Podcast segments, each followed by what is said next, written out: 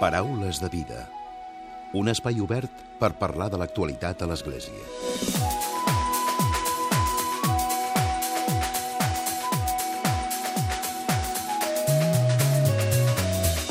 Què tal? Salutacions i molt bon dia, molt bon diumenge. El Teatre Auditori de Llinars del Vallès acollirà un any més Veniu a mi, la passió de Llinars del Vallès. Es tracta, segons la gent que ja ha tingut l'oportunitat de veure-la altres anys, d'una passió que és diferent, jove, propera, especial, emocionant i molt, molt vital. De fet, en aquest cas, la història de Jesús se'ns presenta en femení donant veu a les dones que l'acompanyaven. Els personatges que veurem en escena parlen amb un llenguatge actual i fresc, en definitiva, aquesta és una passió per creients i també per no creients. Ja fa mesos que hi treballen. Els impulsors són els membres del grup de teatre Till Tall, amb més de 30 anys d'experiència. Avui, novament, ens acompanya a l'estudi, al Paraules de Vida, la Reyes Barragán. Ella és autora i també directora de Veniu a mi, La passió de Llinars del Vallès. Una passió que, per cert, es representarà els dies 6, 7, 13 i 14 d'abril a partir de les 5 de la tarda.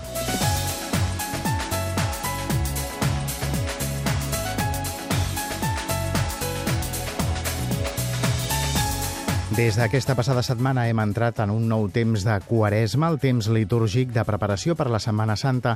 Com s'ha de viure aquest temps? Aquestes properes setmanes es viuen des del recolliment, la pregària i potenciant la vida interior.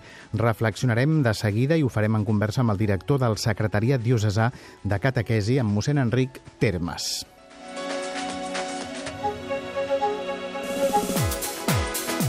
I com sempre, a la recta final del Paraules arribarà un nou comentari de l'actualitat de Francesc Romeu. Comencem.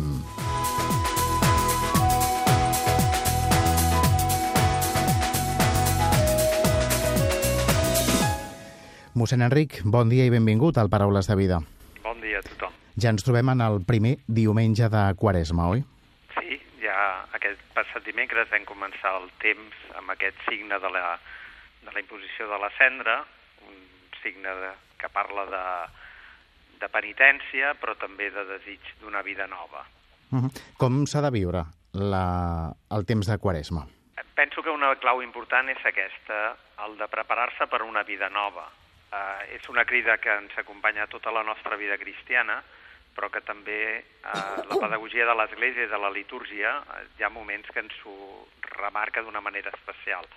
I aquest temps de Quaresma, com a temps de preparació cap a la Pasqua, doncs és això, fonamentalment un temps de eh, mirar cap al nostre interior, cap al nostre voltant també, i ser capaços de preparar-nos d'una manera nova i diferent per una vida nova. Uh -huh. Pels creients és també com un temps de, de reconversió?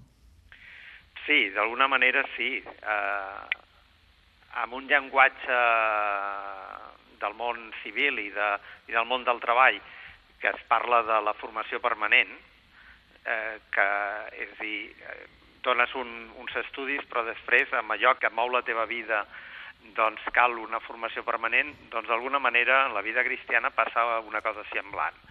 Som cristians, però de, de tant en tant ens cal retornar a les fonts per veure eh, si en som prou fidels i per donar un nou empenta amb, amb, en aquest camí de ser cristians. Uh -huh. És la Quaresma, són els 40 dies que precedeixen a la Setmana Santa, oi, a la Pasqua? Sí, comença, vam començar aquest dimecres, acaba tècnicament el divendres sant, i els 40 dies, eh, si mires el calendari, no quadren perquè dintre d'aquests 40 dies els cinc diumenges que l'acompanyen no es consideren pròpiament com a temps de quaresma, tot i que tenen un clima de quaresma, però amb aquest compte no, no els tenim en compte perquè en el fons és el moment en què renovem com cada setmana la, el misteri de, de la salvació de Jesucrist. Uh -huh.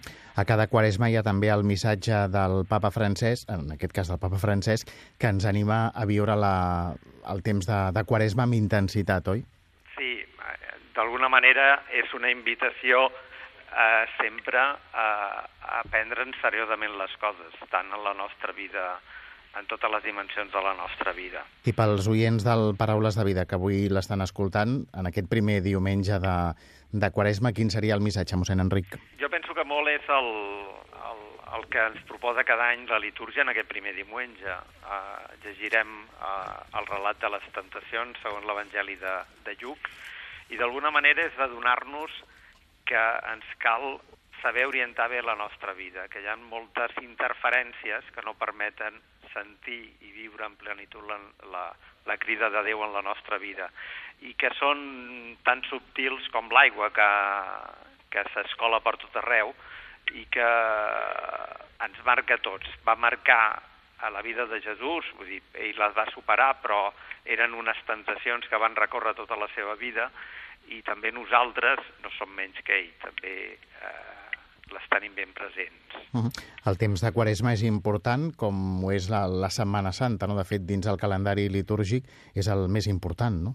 Sí, d'alguna manera, a veure, dintre del calendari litúrgic el més important hauria de ser la Pasqua, perquè eh, és la, el que dona sentit a la nostra vida, que és que la mort de Jesús no ha estat una mort en va, sinó que és una mort que obre la vida. Per tradició, per història, s'han fet molts eh, accents dintre d'aquest temps de Quaresma, vull dir, perquè la vida parroquial, amb, hi ha recessos, hi ha conferències, hi ha moltes coses que ens ajuden a viure aquest temps de preparació via crucis, i després pot fer en falta eh, saber viure més aquests 50 dies de, de la Pasqua, que d'alguna manera és el que ens estan preparant aquests dies 40 de la Quaresma. Doncs avui amb mossèn Enric Termes, ell és el director del Secretariat Diocesà de Catequesi. Hem parlat d'aquest temps litúrgic, del temps de la Quaresma. Mossèn Enric, gràcies per haver-nos acompanyat a la primera part del programa. Moltes gràcies, bon dia, bon diumenge i bona Quaresma. Paraules de vida, amb Emili Pacheco. I tot seguit saludem la Reyes Barragán. Reyes, bon dia benvinguda de nou al Paraules de Vida. Bon dia, gràcies. Parlem de la passió de Llinars del Vallès, que ja ho teniu tot a punt, no? Ja ho tenim tot a punt. Gairebé, gairebé, gairebé uh -huh. tot, sí, sí. Una nova representació, ara ho dèiem a la portada, no?, d'una uh -huh. una passió que és innovadora, que és fresca, que té un llenguatge que en aquest cas eh, s'adapta als nous temps. Mm -hmm. Sí, perquè és una passió que el text es va redactar al 98 i estrenar-se es va estrenar el 2000 i una de les, de les directrius que ens van marcar va ser que, que fos una passió propera i que la gent l'entengués, que fos molt didàctica. I per fer-ho, clar, no podia ser en vers, eh, els personatges havien de parlar com, com la gent d'avui dia i, i la dramaturgia havia de ser una dramaturgia com, com la que la gent està acostumada a veure en els teatres, una cosa més actual, més, més moderna, i això és el que hem intentat. Uh -huh. Parlem primer de tot del cartell. Uh -huh. Vosaltres al, al, al dossier de premsa dieu és un cartell que ens té enamorats, completament enamorats. Veniu a mi la passió de Llinars del Vallès. Sí, eh... El dissenyador del cartell té una gènesi maca, aquest cartell. El dissenyador l'any passat ens va fer el cartell, però no havia vist la passió i després sí que la va venir a veure. I ara, amb coneixement de causa, doncs, ha fet el, aquest cartell. I ell em va, em va confessar, al cap d'un mes d'haver vist la passió, em va trucar i em va dir que estava encara molt impactat i molt emocionat, perquè no és una persona especialment religiosa, o potser no gens, no, no, no ho sé. Eh, I ell em va dir que estava a l'última fila o a la penúltima i s'havia sentit mirat per Jesús. I, Té una mirada intensa, uh, no? El, sí, l'actor que representa es, es, Ell ens va dir que s'havia sentit mirat per Jesús i que volia reproduir això en el, en el cartell. I a més, que havia sentit aquest veniu, perquè el títol de la passió és Veniu a mi. I aquests anys eh, havíem re relegat el títol a un subtítol i havíem donat més importància a la passió de Llinàs. I ell em va dir, no, perquè jo m'he sentit interpel·lat, m'he sentit cridat, posem això en el cartell. I es va inventar aquest fantàstic cartell que és el Jesús, que és l'actor que fa de Jesús, que ens mira, ens interpel·la la mirada i ens agafa de la mà i ens estira. I diu, veniu. I, i este, ens té enamorats. Hi ha detallets en aquest cartell. Explica'ns. Hi ha un detallet. Per la, la gent que avui ens estigui escoltant i que el vulgui veure després, mm. clicant a internet clicant, ho pot veure, veniu no? a mi, o cartell de la Passió de Llinars 2019, i, i estem fent difusió per tots els mitjans, per Twitter, per Facebook. Tots ah. els actors que tenen Facebook i Twitter també estan compartint la imatge. Doncs, uh, L'Ajuntament de Llinars, estem cèntims, en la pàgina web de l'Ajuntament de Missurt.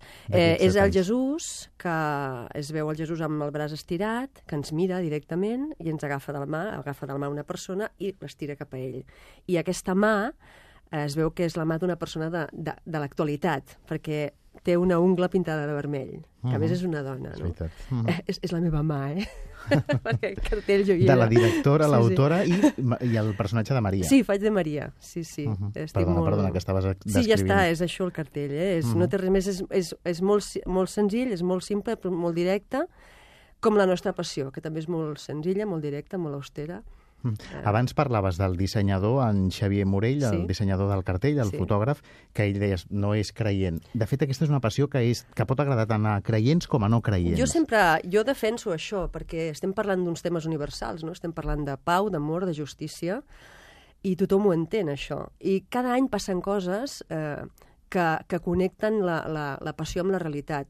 Jo penso que a la passió s'hi pot arribar per molts camins, evidentment pel, pel camí de la fe, com a creient, però eh, també pel camí de que el que s'explica és una història universal, no? d'una una persona que lluitava pels febles, pels més desvalguts, i que els poderosos els feia nosa. I això és una història que, que, que s'ha, malauradament, s'ha continuat, continuat repetint. Um, L'any passat, uh, en el moment del judici, quan porten a Jesús davant Pilat i diu "Port- portem un predicador acusat de sedició, es va sentir un rebombori a la sala perquè la paraula sedició és com que ara la tenim molt present. Ara no? parla molt, I, I en els assajos passen coses, perquè també en un assaig va passar que, que vam, el que es deia vam connectar amb, amb el que està passant ara amb el vaixell de, de, amb el Mediterrani i tot això, quan eh, Jesús diu que és més important fer el bé o deixar-lo de fer, salvar una vida o deixar-la perdre. I un fariseu li diu, però nosaltres podem, podem amagar els nostres ulls el dolor i la desgràcia. I això és el que estem fent. I ara mateix amb això que està passant. I això va passar en un assaig, un assaig i tots vam quedar... Uf, i, I sí, la passió pot connectar uh, amb, amb la gent no creient per uns camins que, que no s'espera. El que passa és que jo penso que també hi ha molt prejudici, gent que no ve a veure la passió per fet de dir és un tema religiós s'es- i s'està perdent, doncs, eh, no només la nostra, totes les passions són I la feina vàlides. artística que feu. La feina artística. Artística, clar. el, el, jo reivindico també les passions com, com un espectacle teatral, i a més que hi ha molts, de moltes menes, molt diversos, passions que són com òperes i passions com la nostra, que és Clar. mm, la més absoluta austeritat, no? Eh, Reyes és una passió en femení, Sí, on els personatges en- femenins tenen una tenen importància, molt de no? pes, sí, sí, perquè eh, hi ha uns, ara no, no sé si des, desvetllaré gaire cosa, però els personatges femenins tenen molta importància perquè són els narradors de, de la història. En aquesta passió la gent se sorprendrà perquè no hi ha cap mena de decorat, hi ha uns elements auster, que no? surten, sí, que surten, i totes basen, en- hi ha uns, unes narradores, uns narradors, però tenen molt de pes la Magdalena i la Maria, que ens expliquen la, la seva vivència des del seu sentir de dones, no? Um, estem acostumats a veure la pietat, però no estem acostumats a que Maria ens digui què està sentint en aquell moment, que ens ho verbalitzi. I això és una, im- una imatge que, que sorprèn. Eh, eh, La imatge de la pietat tothom la té present, però què sent Maria en aquell moment? Què pensa, què diu? I aquest moment és molt important. Mhm. Per mi és molt important, com que faig de Maria. és un dels, dels personatges. Parlem, Reyes, també de, de la feina que teniu prèvia, perquè Mm. de fet ja fa mesos que esteu, que esteu treballant i una mica quanta gent hi ha implicada, involucrada. Mira, eh, nosaltres comencem, aquest any hem començat el 30 de novembre, ja vam fer una reunió amb tots els actors i figurants i tècnics, perquè tothom se n'anés cap a les vacances de Nadal ja amb la feina, Sabent sabent, que- que... li tocava fer, Uh -huh. i vam començar a assajar just després de, de Reis. I mm, assagem dilluns, assagem divendres, assagem diumenges. Els nostres diumenges a la tarda són tancats en el teatre i molt, molt intensament vivint aquesta història. I sí, mm, implicades hi ha unes, en total potser unes 70 persones, si, si inclous, inclou, eh, si, si contem també maquilladors i tècnics i tot això, i mm, personatges que parlin només hi ha 20. O sigui que aquesta passió es podria fer amb 20 persones. Tota la resta podria ser... La resta de que fet- contribueix que contribueix són, actors, són figurants i això, però uh-huh. mm, personatges que tinguin text i que parlin són 20. Uh-huh. sí, sí. També parleu de la implicació de, de l'espectador. Sí, perquè com que hi ha uns narradors que s'adrecen directament al públic i, i el porten cap a dintre la història, una mica la, la, la barrera entre l'escenari i la platea la trenquem constantment. Constantment els actors estan dirigint al públic li estan mirant directament als ulls, com, com Jesús, al cartell, Mhm. i, i dient coses al públic. No, no esperant cap resposta, però portant-los a dintre de la història.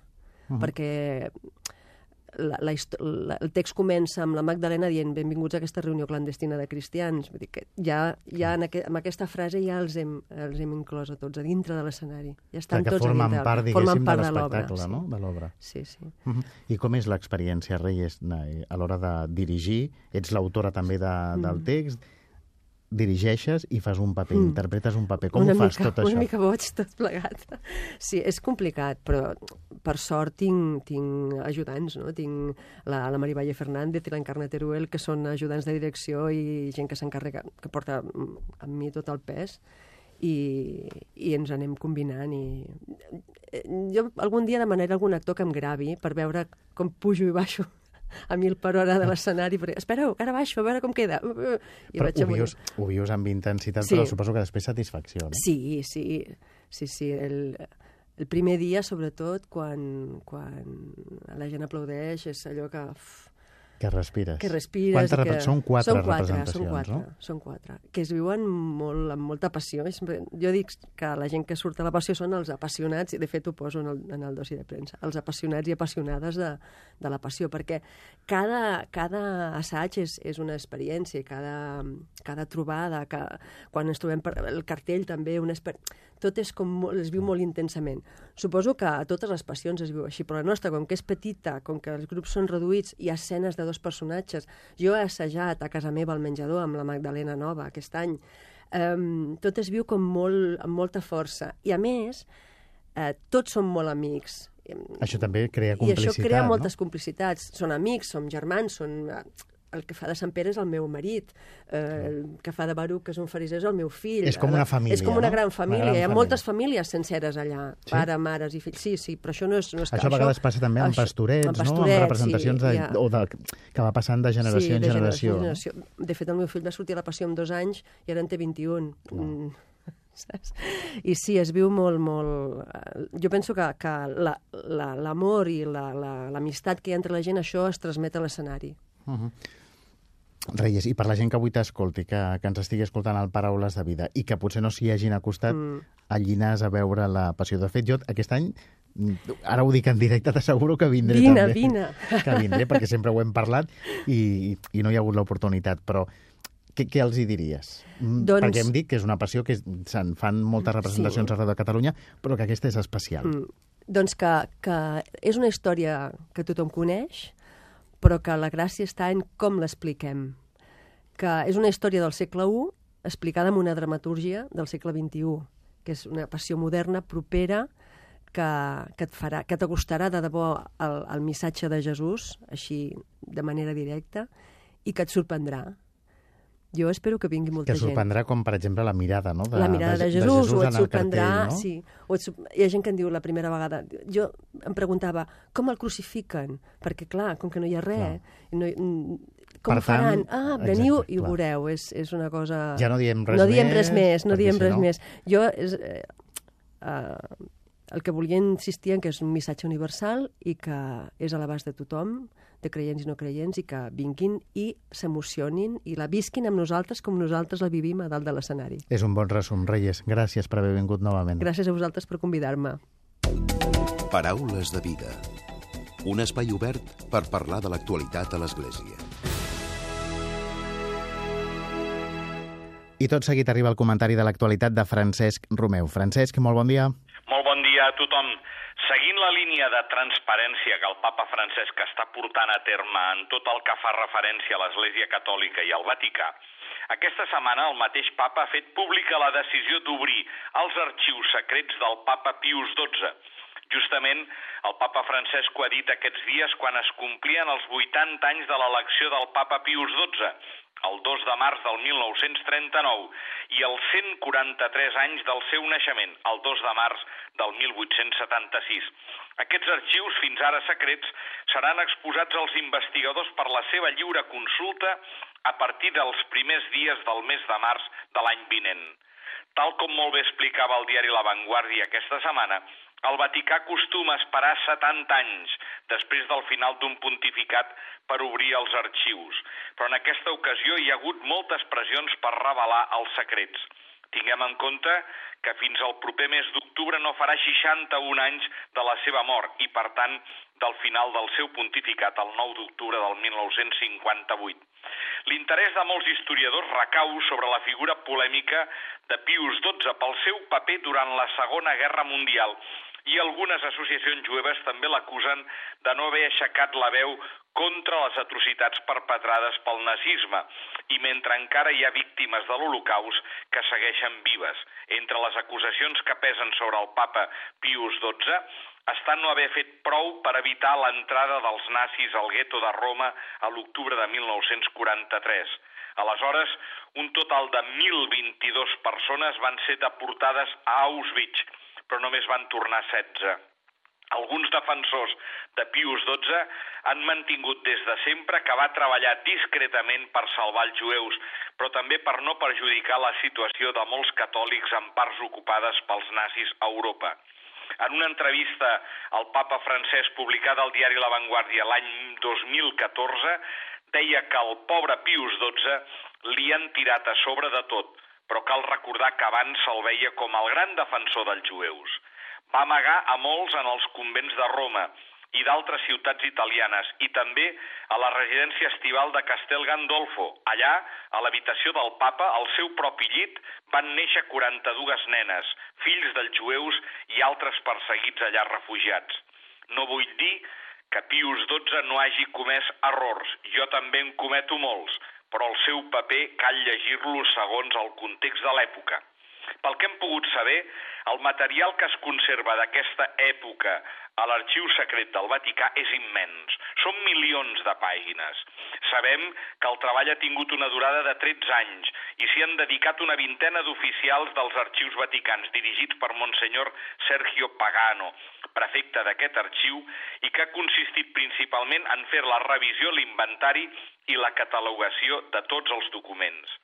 Entre els innombrables pràctiques de caritat pontifícia tenen una especial importància les que el papa va oferir, per exemple, als migrants a Argentina i Brasil durant els anys 40 i 41, el transport de blat a Grècia, demanat per un tal Monsenyor Roncalli el 1941, que el qui fou després el papa Joan XXIII, l'ajuda als civils de Polònia l'any 43, el descobriment de les Fose d'Atine, les ajudes econòmiques per les famílies que van patir els bombardejos de Roma al 43, la reconstrucció de l'abadia de Monte Cassino del 46 al 48, el recolzament dels italians de la Venèsia, Giulia i l'Ístria en el trist conflicte en la frontera occidental amb l'antiga ex-Iugoslàvia de l'any 45 al 48 l'interès pels catòlics bascos condemnats a mort a Espanya l'any 46 o l'ajuda que va donar Pius XII a un grup de científics russos exiliats a Àustria l'any 46. Com ha dit el papa Francesc, es tracta d'un treball desenvolupat en silenci i lluny dels crits, com aquell que cultiva la memòria de la mateixa manera que es cultiva un arbre majestuós, les branques del qual pugen cap al cel, però mentre les seves arrels estan firmament ancorades a terra. De moment, els qui més han esperat i han celebrat aquesta notícia han estat les comunitats jueves, tant les de Roma com les d'arreu del món, deleroses de poder descobrir amb claredat una de les parts més emboirades de la seva història recent i molt agraïts amb el papa Francesc per la seva voluntat de transparència, també amb la història, i reconeixen amb gran satisfacció que tot això ara els hi donarà als historiadors nous instruments per poder comprendre un passat que encara té molt per aclarir. Ara es podrà fer d'una manera seriosa i científica. Molt bon diumenge a tothom!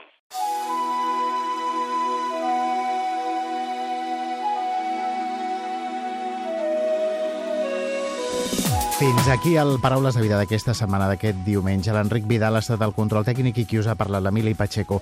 Que passeu bon diumenge i bona setmana.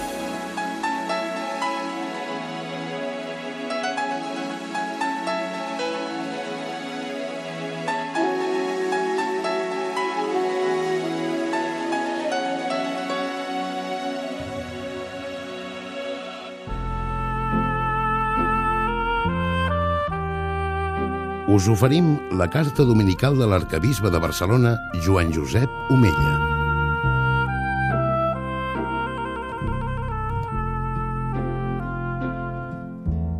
Déu vos guard.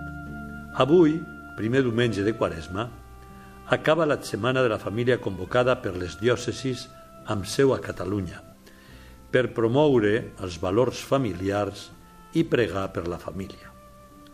Ha estat una setmana plena de propostes i activitats diverses que palesen la gran varietat d'iniciatives destinades a enfortir la vida matrimonial i familiar.